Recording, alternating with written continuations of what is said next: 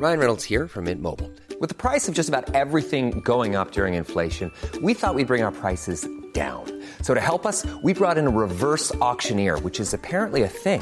Mint Mobile unlimited premium wireless. Ready to get 30, 30, bit to get 30, bit to get 20, 20, 20, bit to get 20, 20, bit to get 15, 15, 15, 15 just 15 bucks a month. So, Give it a try at mintmobile.com slash switch. $45 upfront for three months plus taxes and fees. Promo for new customers for limited time. Unlimited more than 40 gigabytes per month. Slows. Full terms at mintmobile.com.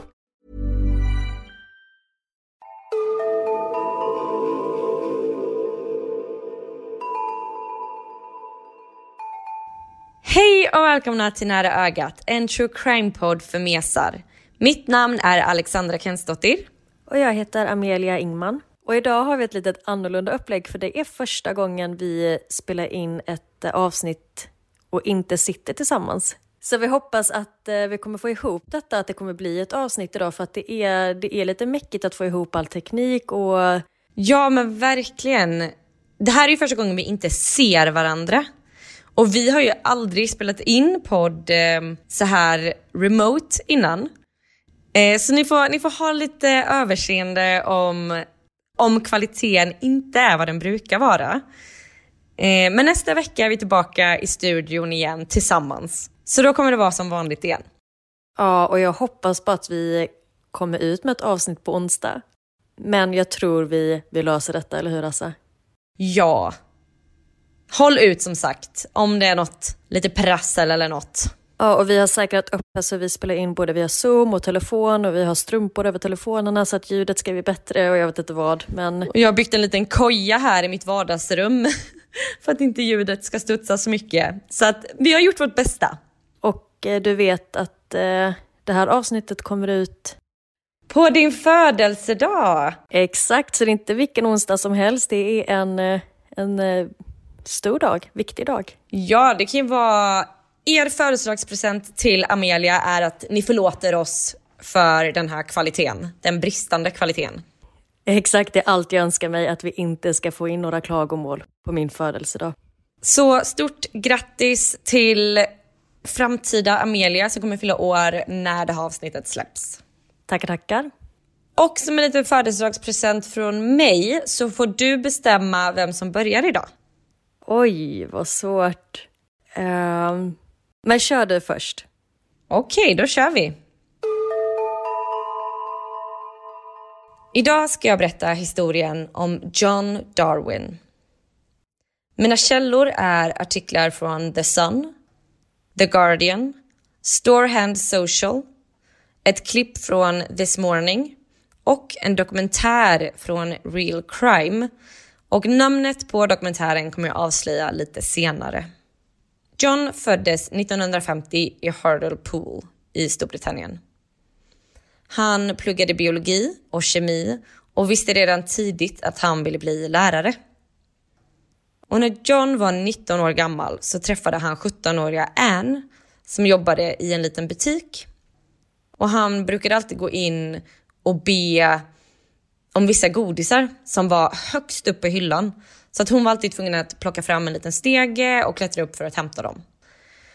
Och efter lite flörtande så började de dejta och fyra år senare så gifte de sig. Och de fick två söner, Mark och Anthony.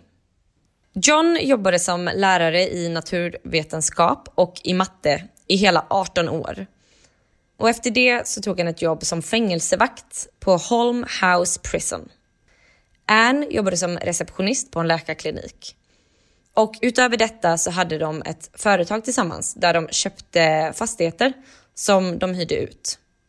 Så de levde ett ganska vanligt liv för ett medelålders par i Storbritannien.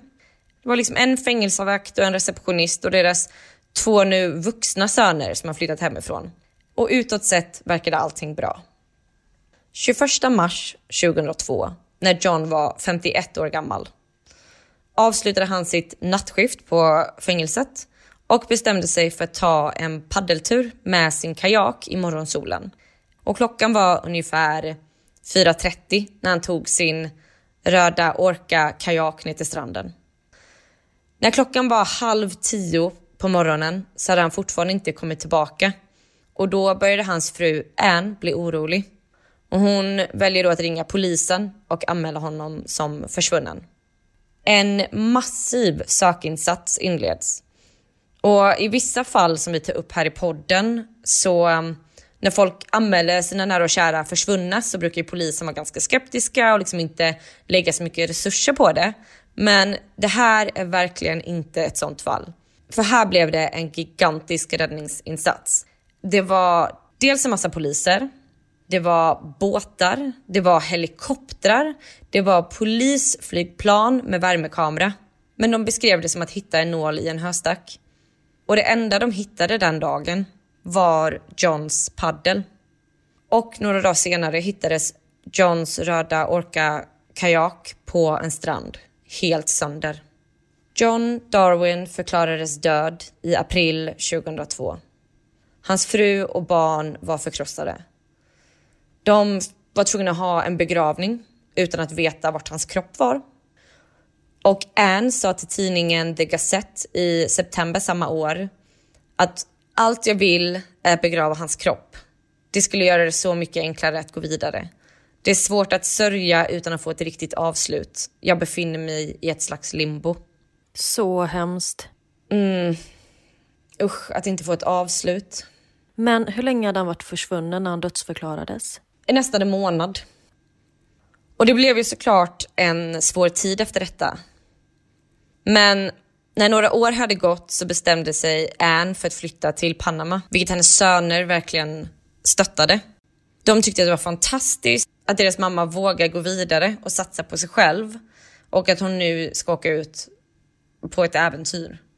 Ungefär fem och ett halvt år efter John försvann till havs nämligen 1 december 2007. Klockan 05.30 så kommer en man in till West End Central Police Station i London och säger I think I'm a missing person. Det är John Darwin som står på polisstationen och han uppger att han inte minns någonting om vad som har hänt eller vart han har varit. What? Så sjukt. Det är ett mirakel. Johns 90-åriga pappa blir intervjuad av BBC och han tackar Gud för vad som har hänt och han har tårar i ögonen. Hans söner och fru blir ju överlyckliga. Och Anne befann sig som sagt i Panama då. Men berättar för reportrar att hon är överlycklig, att hennes man lever och att hon ser så mycket fram emot att träffa honom igen. Men hon säger också att hon är rädd för att hon kanske är tvungen att betala tillbaka pengarna som hon fick på livförsäkringen. Konstig reaktion. Mm. Varför skulle man bry sig om det? Men polisen är inte lika säkra på att det här är det lyckliga slutet som alla har väntat på. Och de börjar ana att det här inte riktigt är som det verkar. Och 5 december 2007 arresteras John Darwin på grund av misstankar om bedrägeri, att han lurat till sig pengar och att han använt felaktig information för att skaffa ett pass. Och några dagar senare, 9 december, arresteras även Anne Darwin på flygplatsen när hon återvände till Storbritannien. Så vad är det då som har hänt? Vart har John Darwin varit under alla dessa år? Vad tror du? Um, jag har ingen aning. Spontant så låter det kanske som att han har haft någon minnesförlust och... Eh, nej, jag kan inte ens gissa. Nej. Det visade sig då att John och Anne hade samlat på sig massa skulder och att de var nära att behöva gå i konkurs. Och paret var under extremt mycket stress och de var i stort behov av pengar. Och det var då John kom på den här genialiska idén. Han skulle fejka sin egen död för att få ut försäkringspengar. Och Anne var till en början väldigt emot den här idén. Hon tyckte att det är så mycket enklare att bara gå i konkurs och börja om. Men John var väldigt duktig på att övertala och till slut gick hon med på den här idén. Och allt var då en bluff. Inte ens deras söner visste om det. John och Anne hade ju köpt en hel del fastigheter och de drömde om ett bättre liv, de drömde om att bli rika och John trodde själv att han hade väldigt bra koll på allt och han, att han hade koll på hur han skulle tjäna en massa pengar. John har beskrivits många gånger som narcissist. Han tror att han kan komma undan med allt. Att han är smartare än alla andra. Och han har en övertro på sig själv och på sina lösningar. Och det är väl kanske just det som också har satt honom i den här situationen. Anne beskriver John som manipulativ. Att redan tidigt i deras förhållande förstod Anne att hon kommer aldrig vinna ett argument. För John var envis och han bara körde på som en bulldozer. Han bara matade och matade tills alla runt omkring gav sig. Och han trodde väldigt högt om sig själv och sina idéer då och lånade pengar för att försöka investera dem och tjäna mer pengar. Men allt ledde ju egentligen bara till att de samlade på sig en massa skulder och då lånade han ännu mer. Så detta blev en nedåtgående spiral. Och det som hände 21 mars 2002, det var att John då avslutade sitt skift på fängelset. Han tog kajaken och paddlade ut och till och med en granne såg honom gå i vattnet och börja paddla. Men efter ett tag så hade han vänt om och paddlat mot land och sen så hade han skickat ut den tomma kajaken till havs igen. Och sen sprang han upp till bilen där hans fru väntade och hon körde honom till Durhams tågstation. Och därefter åkte hon hem och några timmar senare så anmälde hon honom försvunnen. Och hon ser själv att hon hade ingen aning om att det skulle bli en sån massiv räddningsinsats. Och de uppskattar att kostnaden för den här räddningsinsatsen var över 100 000 pund. Fan vilket slöseri. Mm, verkligen. Och vi berättar ju om flera fall där de inte ens skickar ut en bil till folk som på riktigt är borta. Eller hur? Och nu är det liksom en bedragare som eh, får hur mycket stöd som helst. Men också vad konstigt att frun, för det låter som att hon lägger skulden på mannen, men det är liksom hon som har gjort den faktiska anmälan. Mm, verkligen. Och Anne berättade att det absolut svåraste var att barnen inte visste något. Det är ju fruktansvärt. Det måste ju varit enklare för honom, för han bara försvinner ju. Men hon behöver ju titta dem i ögonen varje dag. Men att hon ens klarar av det? Nej, att man ens kommer på den idén. Mm. Anne berättade ju som sagt att det absolut svåraste var då att barnen inte visste något. Men det var inte hon personligen som berättade för sönerna att pappan dött, utan det var andra släktingar som gjorde det. Och i programmet This Morning så blir Anne intervjuad. Och då säger programledaren att Anne, du måste ju vara en extremt bra skådis. Och då svarar hon med att säga att känslorna var äkta, men att det var för fel anledning. Exempelvis på begravningen när hon grät, så grät hon inte för att han var död, utan hon grät för att hon svek sina söner. Några veckor efter han dödförklarats så begärde Anne ut försäkringspengarna. Och totalt fick hon ut runt 250 000 pund.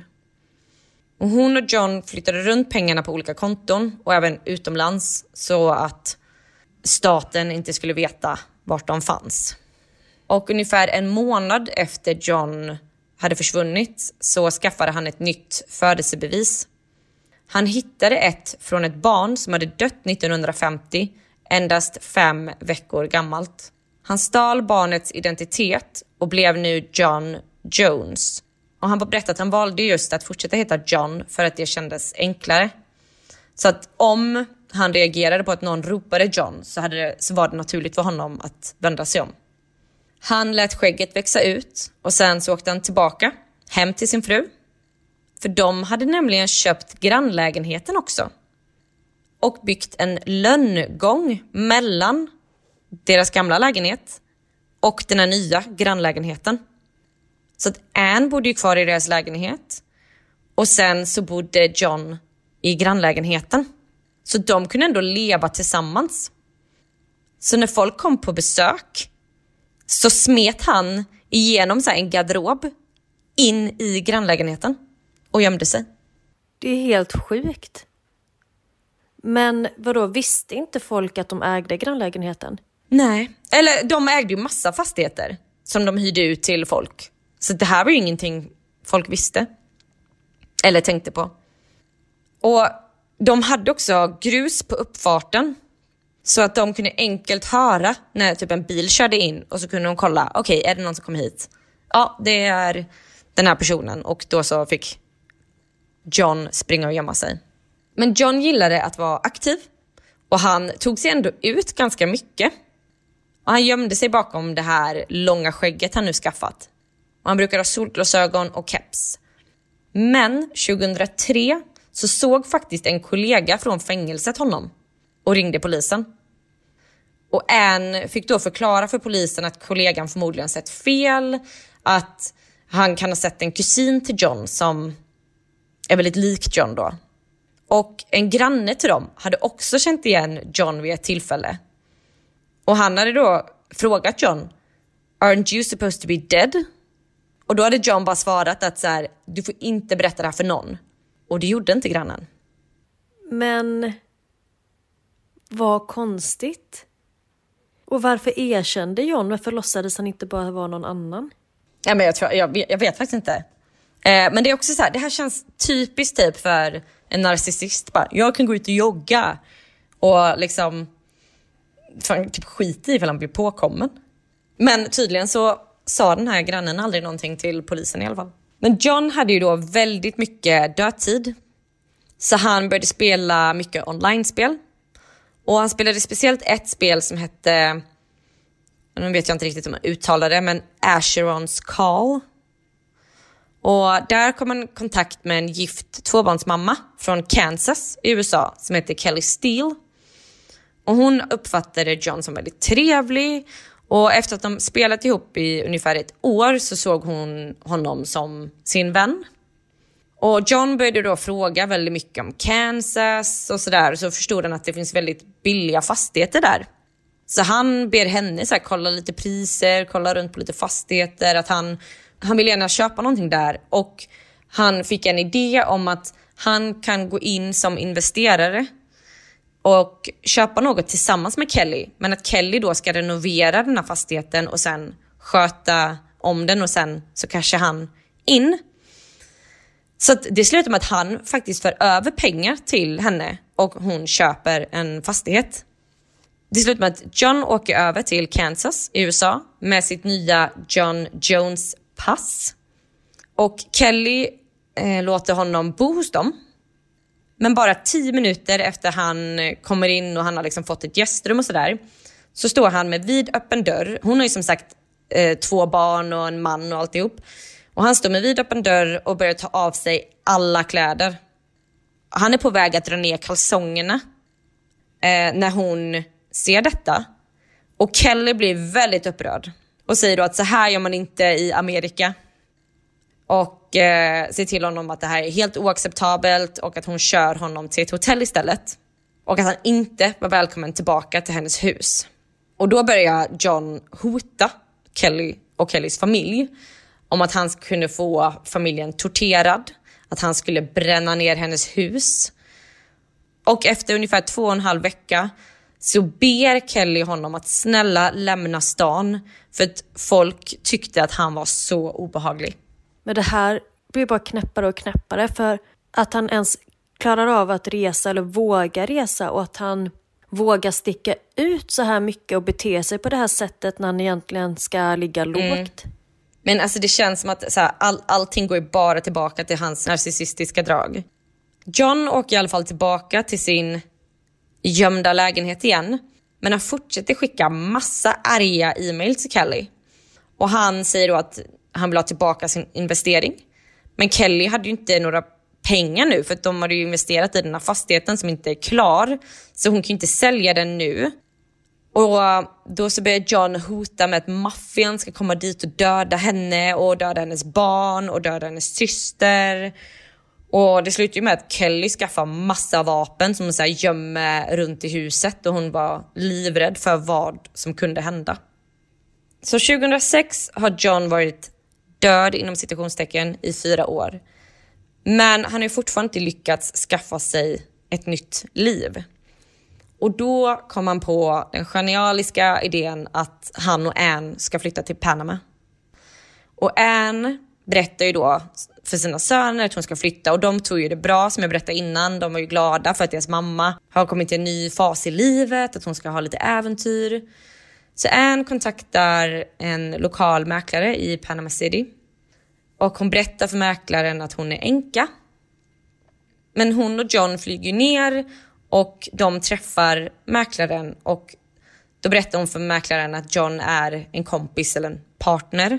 Och Anne berättade mycket, så att hon har två barn och var liksom ganska ärlig med allt. Och mäklaren tyckte inte att det var något konstigt med det och de köpte en lägenhet i Panama City där de bodde. Och de hittade också en bit mark som de blev väldigt intresserade av. Men det fanns liksom inget rinnande vatten, det fanns ingen väg. Men de köpte den här marken för ungefär 200 000 pund. Och de hade väldigt stora drömmar om att bygga fastigheter som de sen kan hyra ut och tjäna en massa pengar på. Under den här tiden så börjar polisen vara dem på spåren och förmodligen så förstod John och Anne det. I december 2007 när John bestämmer sig för att åka till Storbritannien igen och berätta för polisen att han var saknad person och att han hade minnesförlust så berättar Anne att hon förstod att det här kommer ta slut nu. Hon förstod att polisen inte skulle köpa den här historien om minnesförlusten medan John var övertygad om att den var vattentät. Så när historien om John kommer ut, alltså innan han blir arresterad, när alla tror att det här är ett mirakel, så åker en journalist till Panama för att intervjua Anne och journalisten tar sig till hennes lägenhet där han står och knackar tills Anne till slut öppnar. Och hon eh, får ju då fråga dem så här, gud vad sjukt, så här, din man har kommit tillbaka från de döda efter fem år. Och hon säger att hon är superlycklig, att hon är så överraskad över att hennes man har hittats och att hon längtar efter att få träffa honom och krama om honom. Och någon dag efter den här intervjun så kommer ju då ett foto ut. Och det är ett foto på Anne och John på mäklarkontoret i Panama 2006. Och det bevisar ju att Anne har vetat att han är vid liv hela tiden. Så journalisten kontaktar ju Anne igen och visar bilden och bara men hur förklarar du den här? Anne bara stirrar på bilden i typ 10 minuter utan att säga någonting och sen säger hon bara ja, bilden säger allt. Alltså, busted. Busted. När John blir arresterad så säger han att han hade tänkt betala av skulderna. Så att hans tanke var att liksom få de här försäkringspengarna, betala av alla sina skulder och sen lämna tillbaka resten.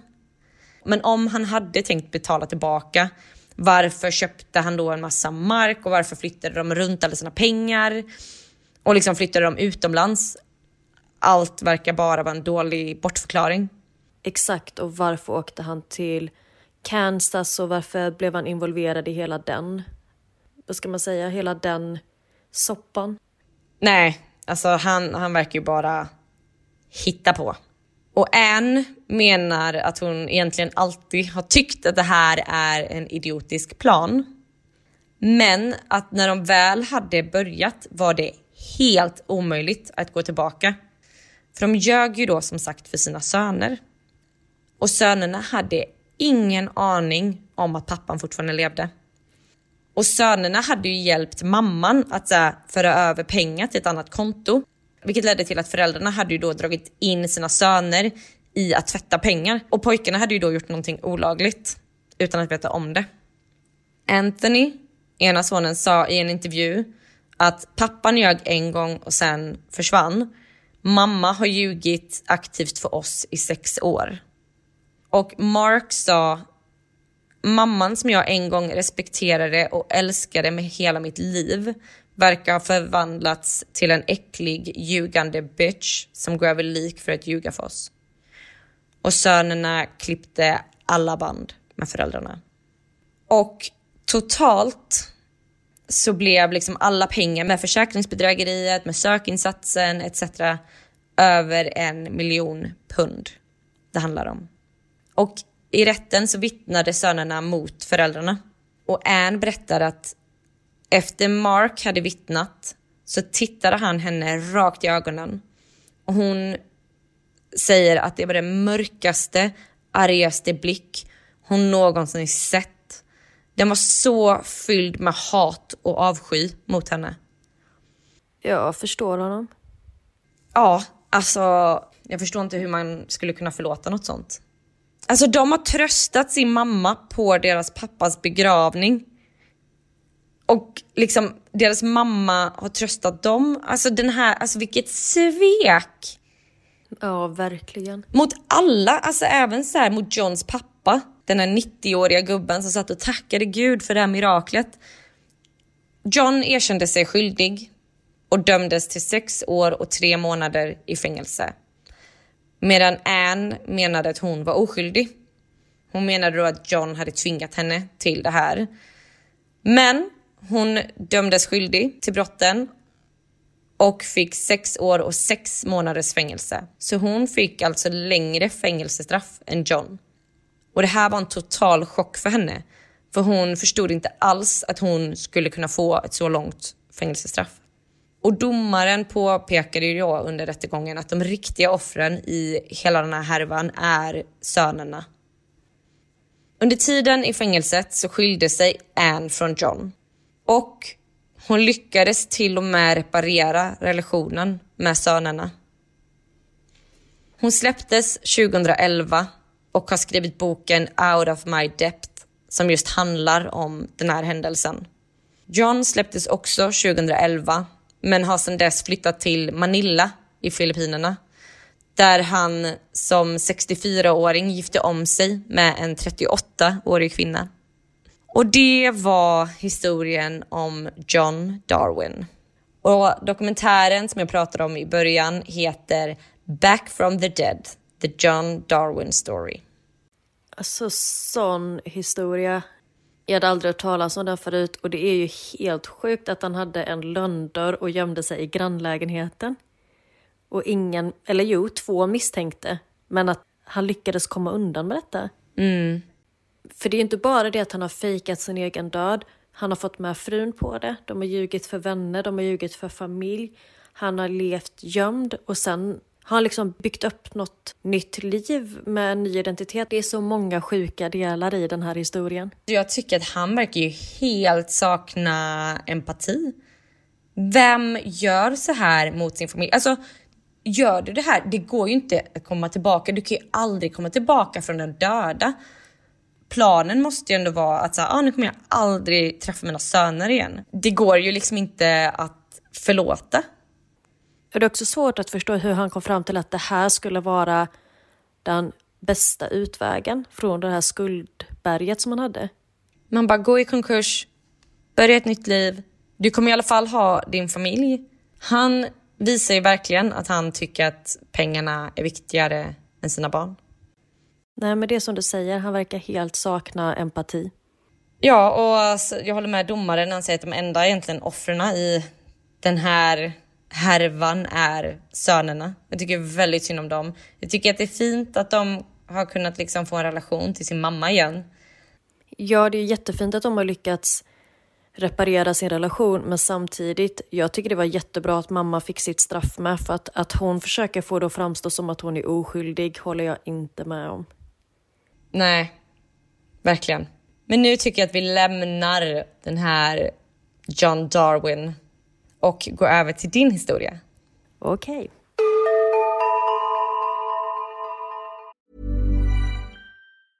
Selling a little or a lot?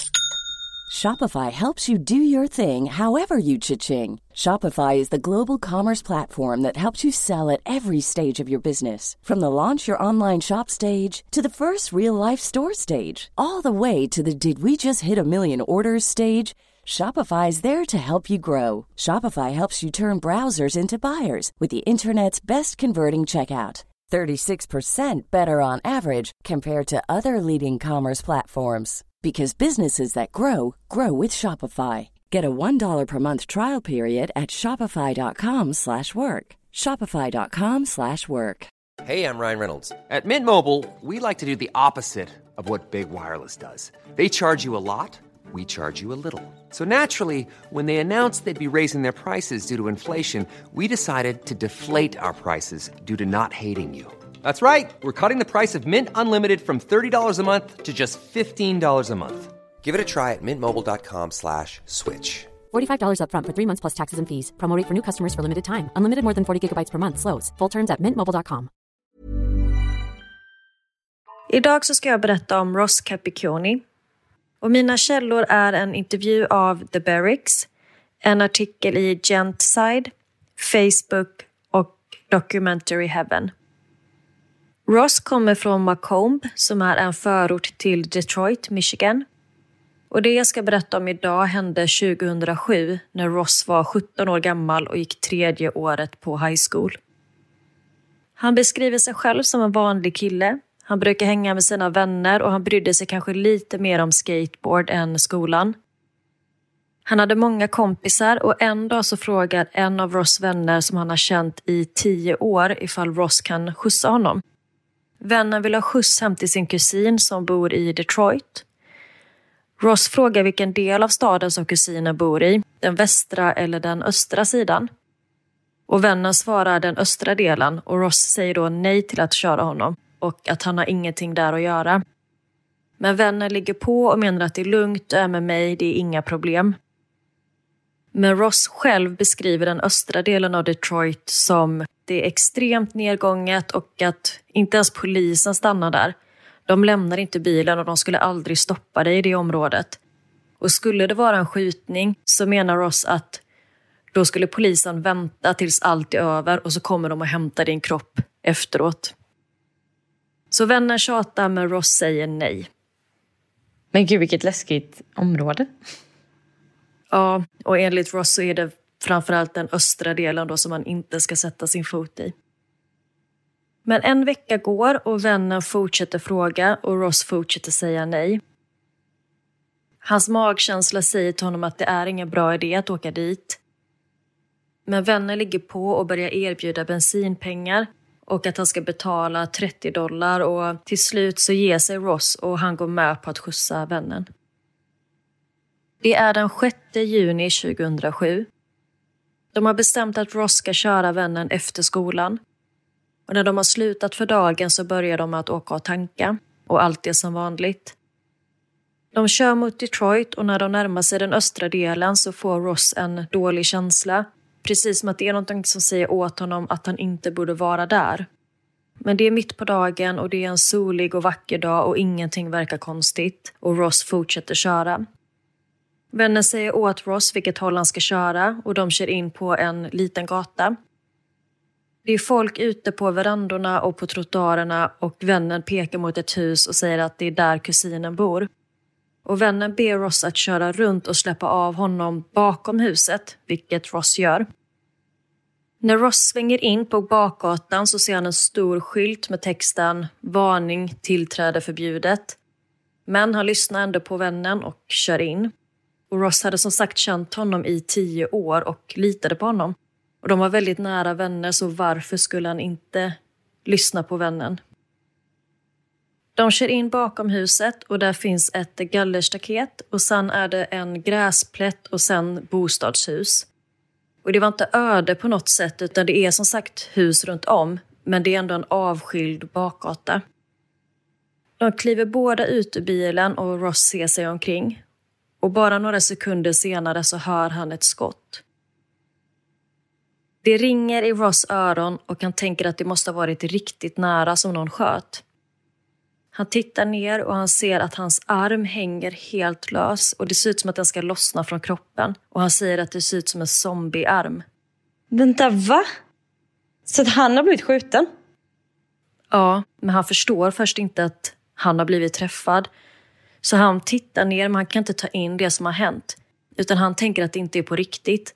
Så han skakar på huvudet, tittar ner igen, men hela armen är bara slamsor. Men gud! Så han förstår inte vad som har hänt och det bara pulserar ut blod. Ross ser sig omkring och där står hans vän med ett hagelgevär i händerna. Han står cirka tre meter bort och riktar det rakt mot Ross. Vänta, va? Ja, vännen som han precis har haft med sig i bilen. Men oh, jag trodde bara att det var liksom ett dåligt neighborhood här. Att det var någon annan som sköt. Nej. Så Ross frågar om han precis sköt honom. Men istället för att svara så laddar vännen om geväret och skjuter en gång till. Det blir helt svart och Ross träffades mitt i bröstet. Han faller ner på knä och han tappar helt andan. Han sitter på knäna med händerna i marken när han känner gevärspipan tryckas mot huvudet. Och han känner hur geväret skakar mot skallen. Så han tar armen och försöker slå bort det, men då smäller det igen. Han lyckades slå pipan åt sidan, men eftersom det är ett hagelgevär så träffas Ross i sidan av huvudet av hagelsvärmen. Och som tur var så gick det inte genom skallen, men han skadades ordentligt av skottet. Han är omtecknad och i chock, men han kan fortfarande röra på sig. Han vet inte vad som har hänt med hans huvud, men han vet att han fortfarande lever. Så Ross tittar upp och han ser hur vännen står och stirrar på honom. Så vännen tar gevärskolven och smäller till Ross i ansiktet så att hans tänder flyger ut och Ross faller bakåt. Men han kan fortfarande se. Ross förstår inte själv hur han fortfarande kan se och vara i medvetandet för han har så extrema skador över hela kroppen, på lungorna och hjärtat och han förlorar väldigt mycket blod. Han känner hur vännen börjar rota i hans fickor efter bilnycklarna. Och när vännen försöker slita ut nyckeln ur ena fickan så hamnar Ross på mage och där blir han liggandes när han ser vännen köra iväg i bilen. Ross tänker nu att han har två val. Antingen ligger han kvar här och väntar på att dö eller så försöker han ta sig upp. Han försöker trycka sig själv upp från marken, men hans vänstra arm var helt skadad och han kunde inte röra den. Han hade ett hål i bröstet stort som en tallrik och han var skjuten i huvudet. Men det här är ju helt... Att han fortfarande lever. Ja, att han fortfarande kan fatta beslut och vara vid medvetandet, det är svårt att förstå. Och bara 17 år. Mm. Han fortsätter försöka ta sig upp om och om igen, men det gick inte. Så han bestämmer sig för att försöka en sista gång innan han ger upp. Och när han trycker sig upp den här gången så känner han från ingenstans hur två armar greppar tag i honom och lyfter upp honom från marken. Och Ross försöker vifta mot personen och greppa tag i henne, men det finns ingen där. Så Ross står nu upp och vinglar och han beskriver det som att han var som en full zombie. Och han känner hur han får en knuff bakifrån i ryggen som motar honom framåt. Och han staplar framåt kanske två, tre meter innan han faller ihop på marken. Han ramlar då rakt framlänges och landar på mage. Och han tänker för sig själv att okej, okay, nu har jag tagit mig så långt som jag bara kan. Nu börjar smärtan ta över och han vill bara stänga ögonen och vila lite. Han blundar och känner hur smärtan i kroppen börjar släppa. Men så vaknar han till med ett ryck och tänker att det här kan inte stämma. Jag har precis blivit skjuten tre gånger. Hur kan smärtan bara försvinna?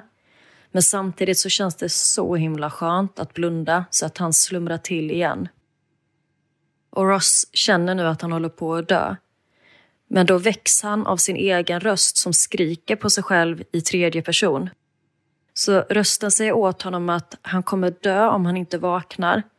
Och sen så hör han plötsligt en annan man som ropar en bit bort och Ross ser hur en person kommer springandes mot honom.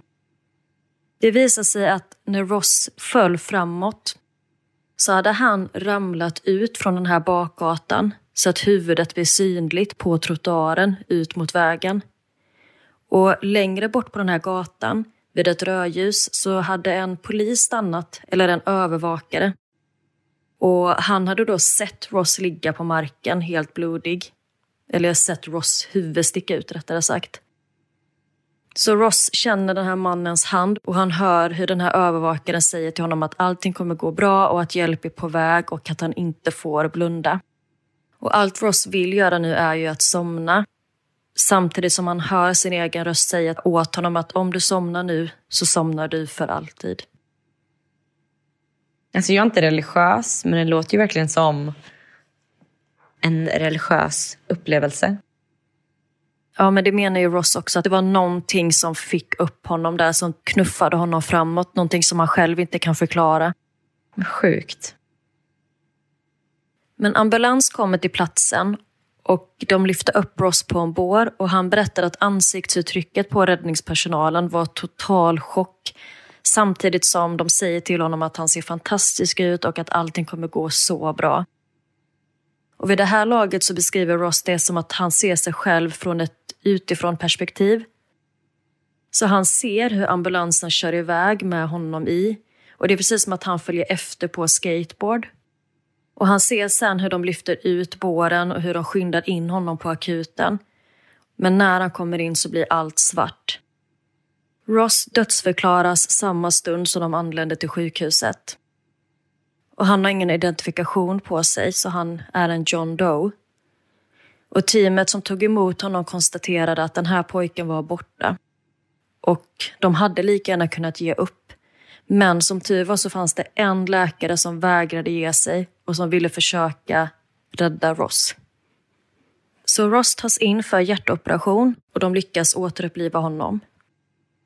Hjärtat slår men Ross hålls under observation i 24 timmar efter operationen så att de kunde hålla koll på hans andning. Och efter att de här 24 timmarna hade passerat så var han fortfarande vid liv och då opererade de även hans arm och huvud. Men tänk om de... Jag tycker sånt här är så läskigt. För tänk så många gånger som folk eller läkare kanske har varit så här, nej men tyvärr det går inte att rädda. Alltså, och, och att alla enhetligt håller med och inte fortsätter. Vilken tur att den här läkaren var så ihärdig och verkligen ville fortsätta. Mm. Om det inte vore för den här läkaren så hade förmodligen Ross inte levt idag. Ross vaknar upp på sjukhuset tre dagar senare.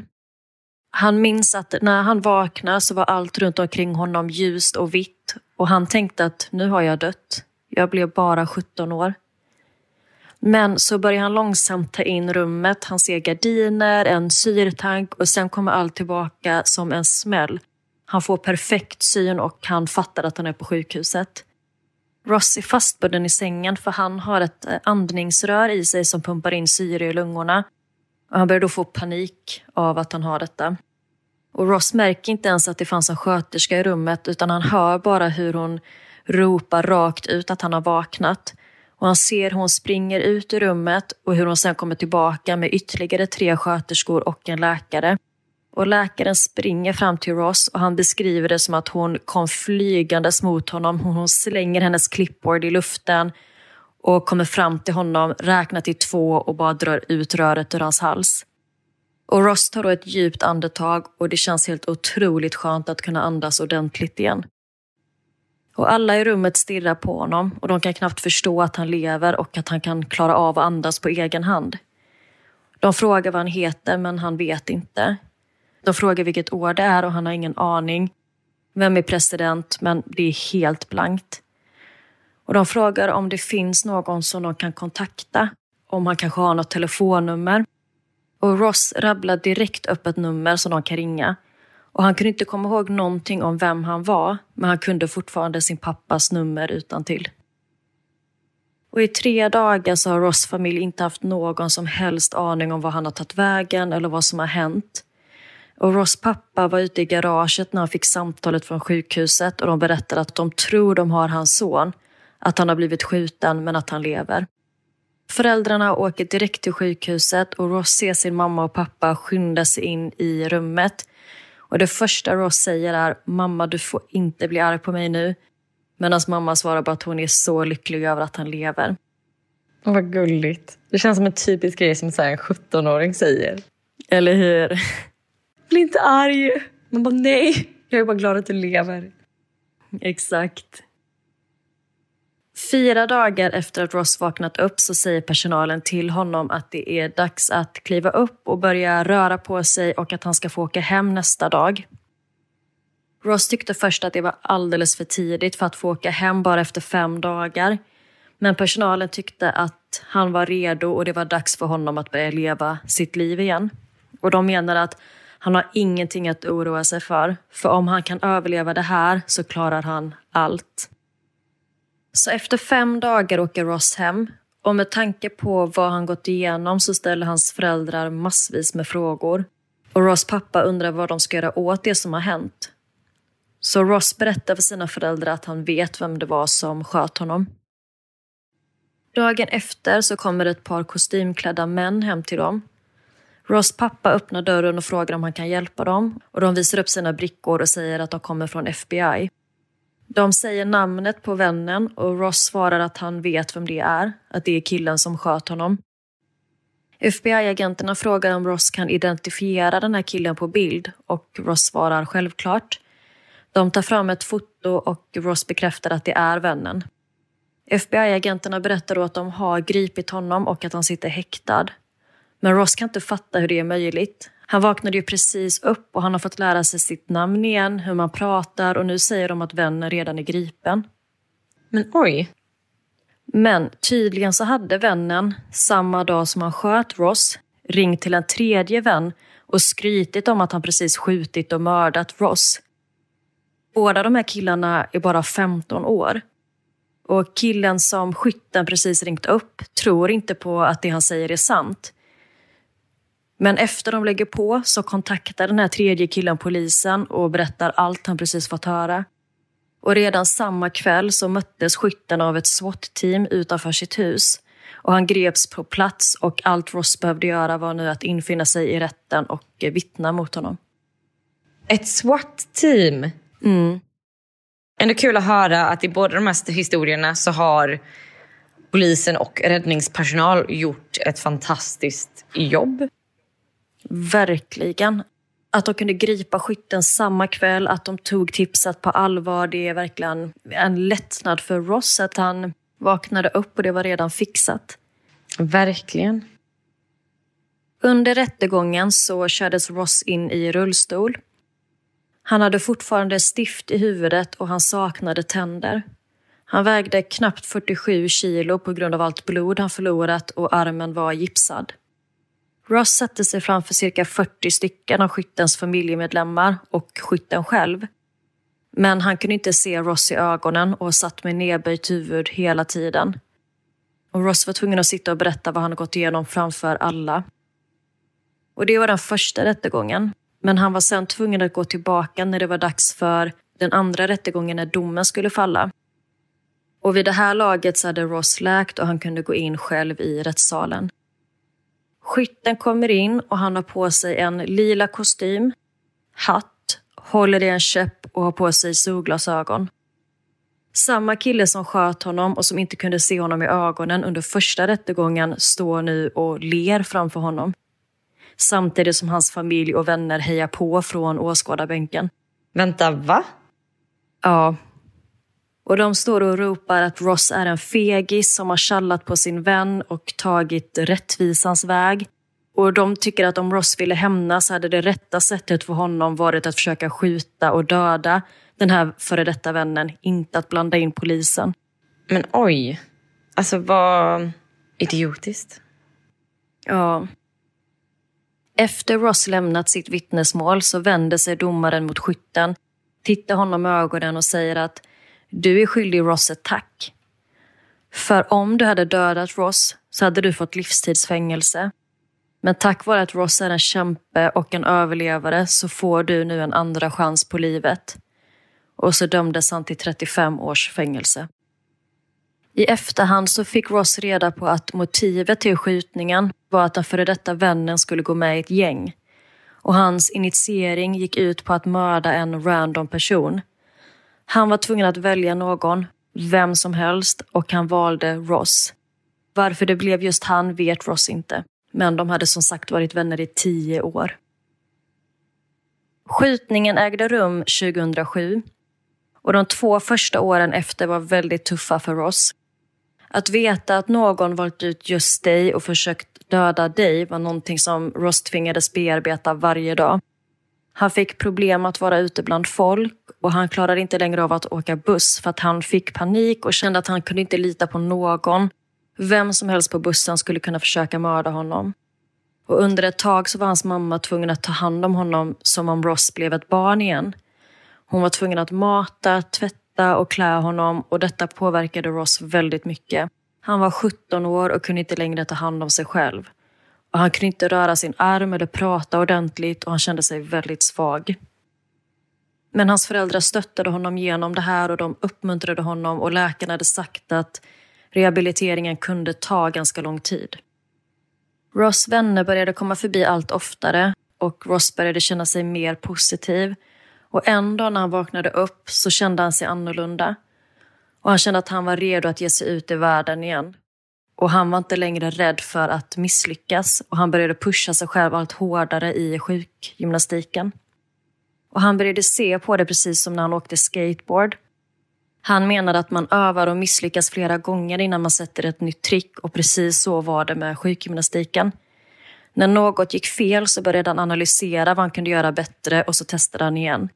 Och han började göra stora framsteg och efter det så dröjde det inte länge innan han kände att han var tillbaka igen. Idag ser Ross på det som hände honom som att han har en fördel i livet. Att han känner en större tacksamhet för det han har och fokuserar inte på det han inte har, utan uppskattar det som redan finns i sitt liv. Och idag har Ross en egen familj och är pappa åt en liten dotter. Och det var berättelsen om Ross Capicchioni. Oh, wow, vilken dålig kompis. Ja, fruktansvärt hur man kan göra så mot en vän. Alltså det finns ju inget försvarsbart med den här initieringen. Men om det var att han kunde välja vilken random person som helst, varför då välja en så nära vän? Jag kan inte förstå det. Jag kan inte förstå den initieringsriten heller, vill jag bara tillägga. Men ja, du fattar vad jag menar. Ja, men att man måste mörda någon för att gå med i ett gäng. Ja, det är ju någonting man verkligen hade kunnat ägna ett helt avsnitt åt. Mm. Men som du säger, av alla personer i världen som du ska mörda så väljer du att mörda din vän sedan tio år. Ja, det är så sjukt. Och eh, det var lite svårt att hitta olika källor kring det här fallet. Så jag har främst utgått från en intervju med Ross själv där han återberättar steg för steg vad det var som hände. Men jag skulle vilja veta mer om skytten. De nämner inte ens hans namn. Och liksom jag kunde inte hitta någonting om hans bakgrund. Men däremot så finns det en artist, en rappare som heter Joyner Lucas som har gjort en låt om den här berättelsen. Och där ger han liksom både Ross perspektiv och skyttens perspektiv. Både i texten och i videon. Så att eh, kolla in den om ni är nyfikna. Oj, vad spännande. Det ska jag verkligen göra. Så Joyner Lucas och låten heter Ross Capicchioni. Ja, men eh, wow, vilket eh, fall. Jag hade inte heller hört talas om det här. Så tusen tack, Amelia. Ja, kul. Och ja, jag tror att det var allt för oss den här veckan. Och jag hoppas att vi har lyckats spela in det som vi har berättat idag. Ja, just nu, som sagt, tekniken är ju inte på bästa vän idag. Ehm, vi är väldigt osäkra på hur det här kommer låta.